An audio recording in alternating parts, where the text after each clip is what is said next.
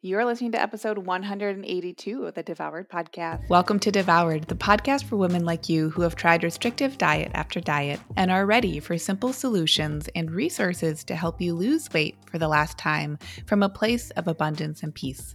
If you're looking to end the yo yo of comfort eating and rigid weight loss protocols and instead step into living your life on your terms while losing weight in the process, you're in the right place. All right, what is up, my boo boo loo boos? Have you ever had that candy before?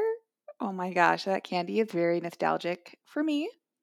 Growing up in Minneapolis, going to a couple different markets here and there, and they would have boo boo loo boos. They are so good. If you don't know what they are, go search for them. Go Google them. Go duck duck go them. Go go do your thing. And then if you ever want them, you're gonna be like, I remember. I remember she told me about boo boo loo boos. But you all are my boo boo loo-boos. so welcome to the show. Um, I hope you practiced putting on your blanket from last week. And if you don't know WTF, I'm talking about, go listen to last week's episode all about the holidays.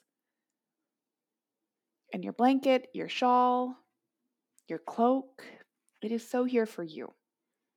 And you get to tend to it by practicing putting it on. So, in the same vein, today we're talking about you being in charge. Okay, and so before I get into the episode, I want to remind you if you're loving the show, right? If you're an old fan, if you're newer to it, if you're loving the show, will you take a minute and leave a five star rating and review on Apple Podcasts for me? Your reviews, your ratings really help the podcast get shown to more women, and especially women who are leaving diet culture and leaving diet culture thinking. So it's super duper helpful, and those three minutes you take out of your day make a huge difference. So I'm putting that out there, okay? Now then, let me tell you the truth, okay? The truth is, you're in charge of your weight loss journey and your weight loss process. Once you know the tangibles of how to lose weight, which I will reiterate here, but I share about them in plenty of episodes. So, the tangibles are how to feed yourself for life, which means you eat meals intentionally that have some fats, some proteins, some carbs, and some veggies. You eat them when you're hungry and then you stop when you're satisfied. And they're primarily composed of unprocessed foods, basically meaning foods that are not flour and sugar based. And then you also incorporate those foods that do have flour and sugar with intention, just like that basis of those unprocessed balanced plates that you practice feeding yourself for life. Both of those are intentional. Okay? The only thing then between you and weight loss is that really beautiful thing called your brain. so let that be okay. Let it be okay that the truths of food and weight loss for life are fairly boring and banal. They're pretty neutral. And it might not feel like a big fight on paper. So, if things do feel like a big fight or they feel like the struggle bus, they feel really emotional, maybe they feel overwhelming, maybe right now your brain is making things out to be very personal. Your brain is attacking you personally. There's something about you as a human, about you as a person that makes the weight loss challenging, that makes it feel like you have to lose weight. And the way that you're going to lose that weight is through really like mean thoughts and unkind, um, just unkind ways that you treat yourself. Let it be okay that the food stuff is kind of boring and that your brain might have all these different thoughts that are simply coming to the surface, not because you have a bad brain, but because you have a wonderful brain. And notice if your brain has decided that weight loss has to happen from a rushed place. There's urgency around the weight loss. Okay? Because if you're in a rush to lose weight, then it's your thoughts that are creating that rush. If you feel like you are not in charge of this process, what you have to do, you have to show yourself over time and then repeatedly over time you have to decide to look for the evidence that you are in charge. Now, listen. Conceptually, this might sound great. Ooh, what you mean I get to I get to be more in charge? Nothing wrong there. How many of us feel like we'd love to be in charge in like all the different areas of our life?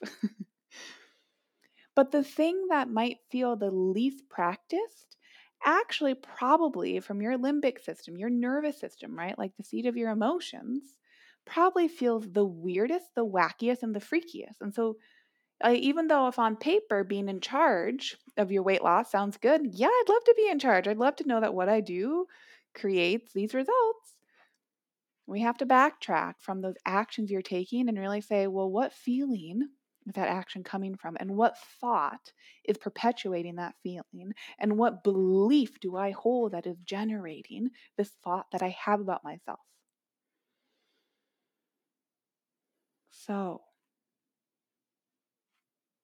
in order to come home to the concept of truly feeling safe and honoring that you are in charge of this process and all of the wonderful components of this process,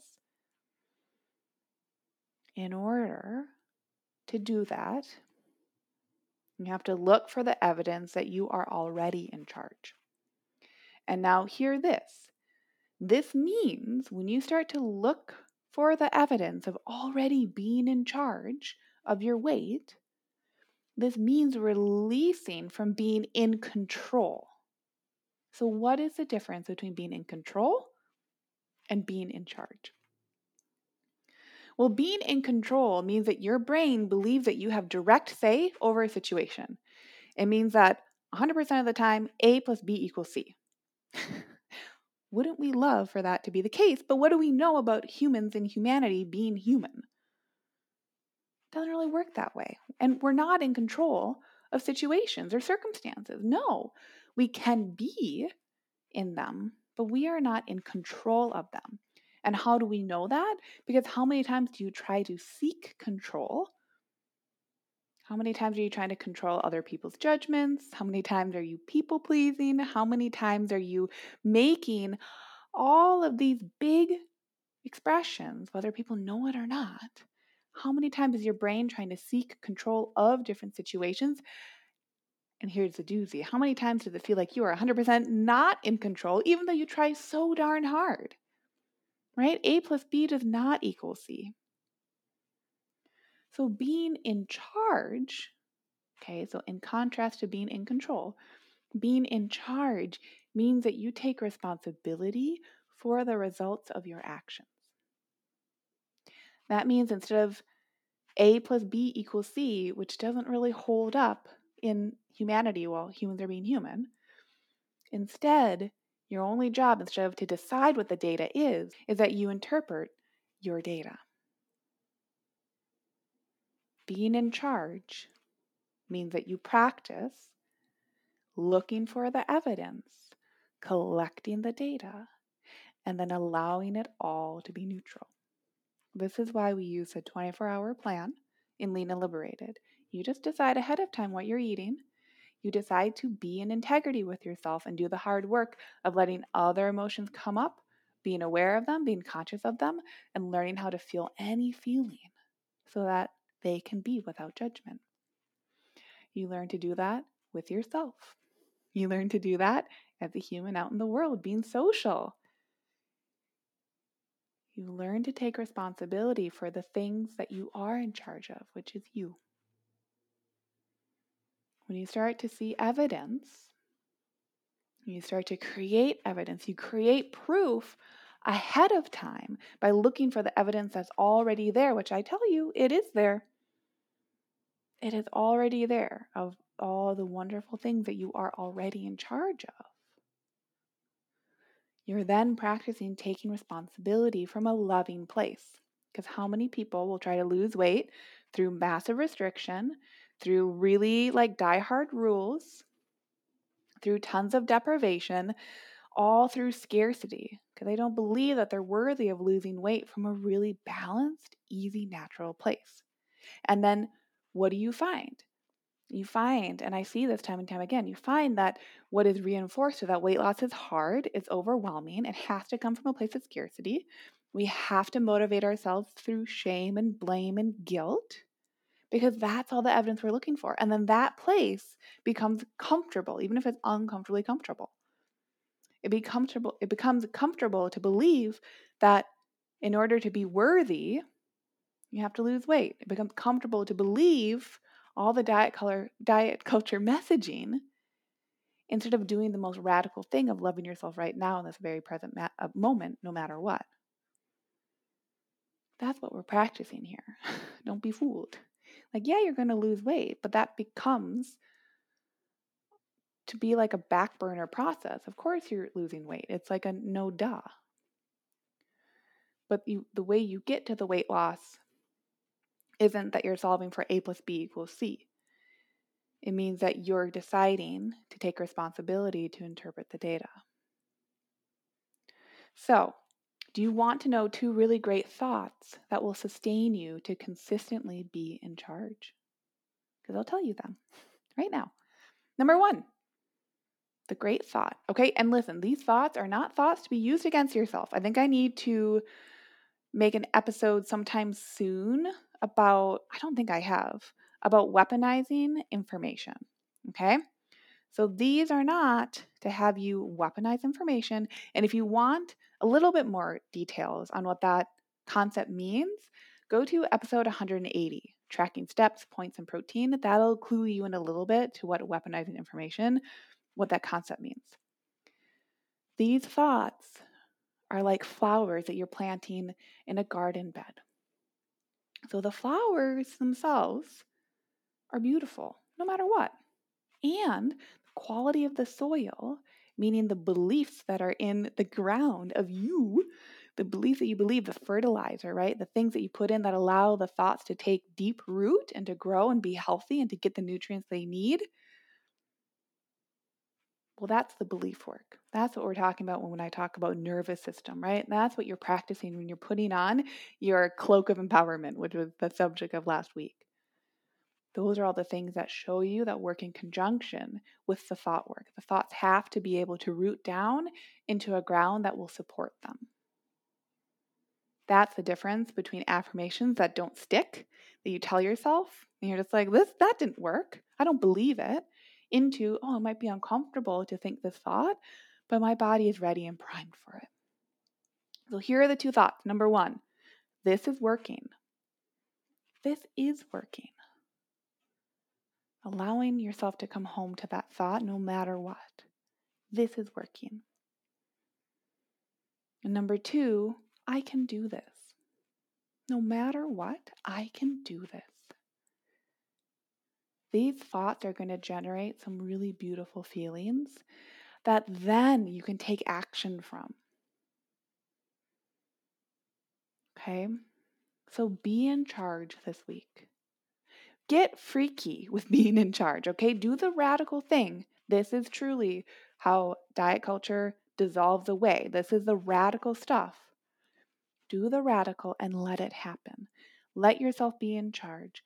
Let yourself take responsibility. Let it be so wildly different and weird that, of course, it's going to be supportive because this is working and I can do it. I interpret the data. I take responsibility and ownership for lovingly losing weight because I know the tangibles of how to lose weight. So, the only thing between me and this weight loss that I desire for myself are my thoughts. I promise. It is so, so worth it, this work. This work is the ripple effect. Because guess what? Boo boo, loo boo. There's no way that this focus in this area of your life can't not affect every other area of your life because how we do one thing is how we do pretty much everything. How we think about one thing, how we feel about one thing, is how we think and feel about so many other things. So do the radical, let it happen. This is working, I can do it. And when you're ready to do this and take charge, I would love to help you. So I'm currently booking clients now for January of 2022. So during the release of this episode, which is November November 11th, I'm booking out clients. And if you're listening to this episode afterwards, just check in on my social media and you'll be clued into when I'm taking clients or not. I make it really, really obvious there. So reach out to me on Facebook, Messenger, or on Instagram DM to join. I always have those linked up in my show notes. They're super simple to navigate over to.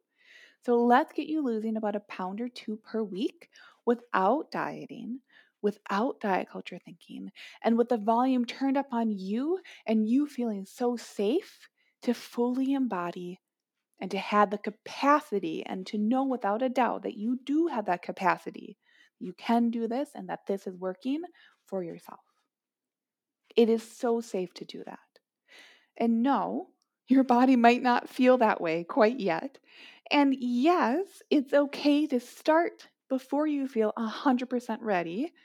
And no, you'll never actually, quote unquote, be ready. Love you so much. See you next week. Bye. Did you know you can find more support from me on my website? Go to Lucia Hawley, L U C I A H A W L E Y dot com to connect.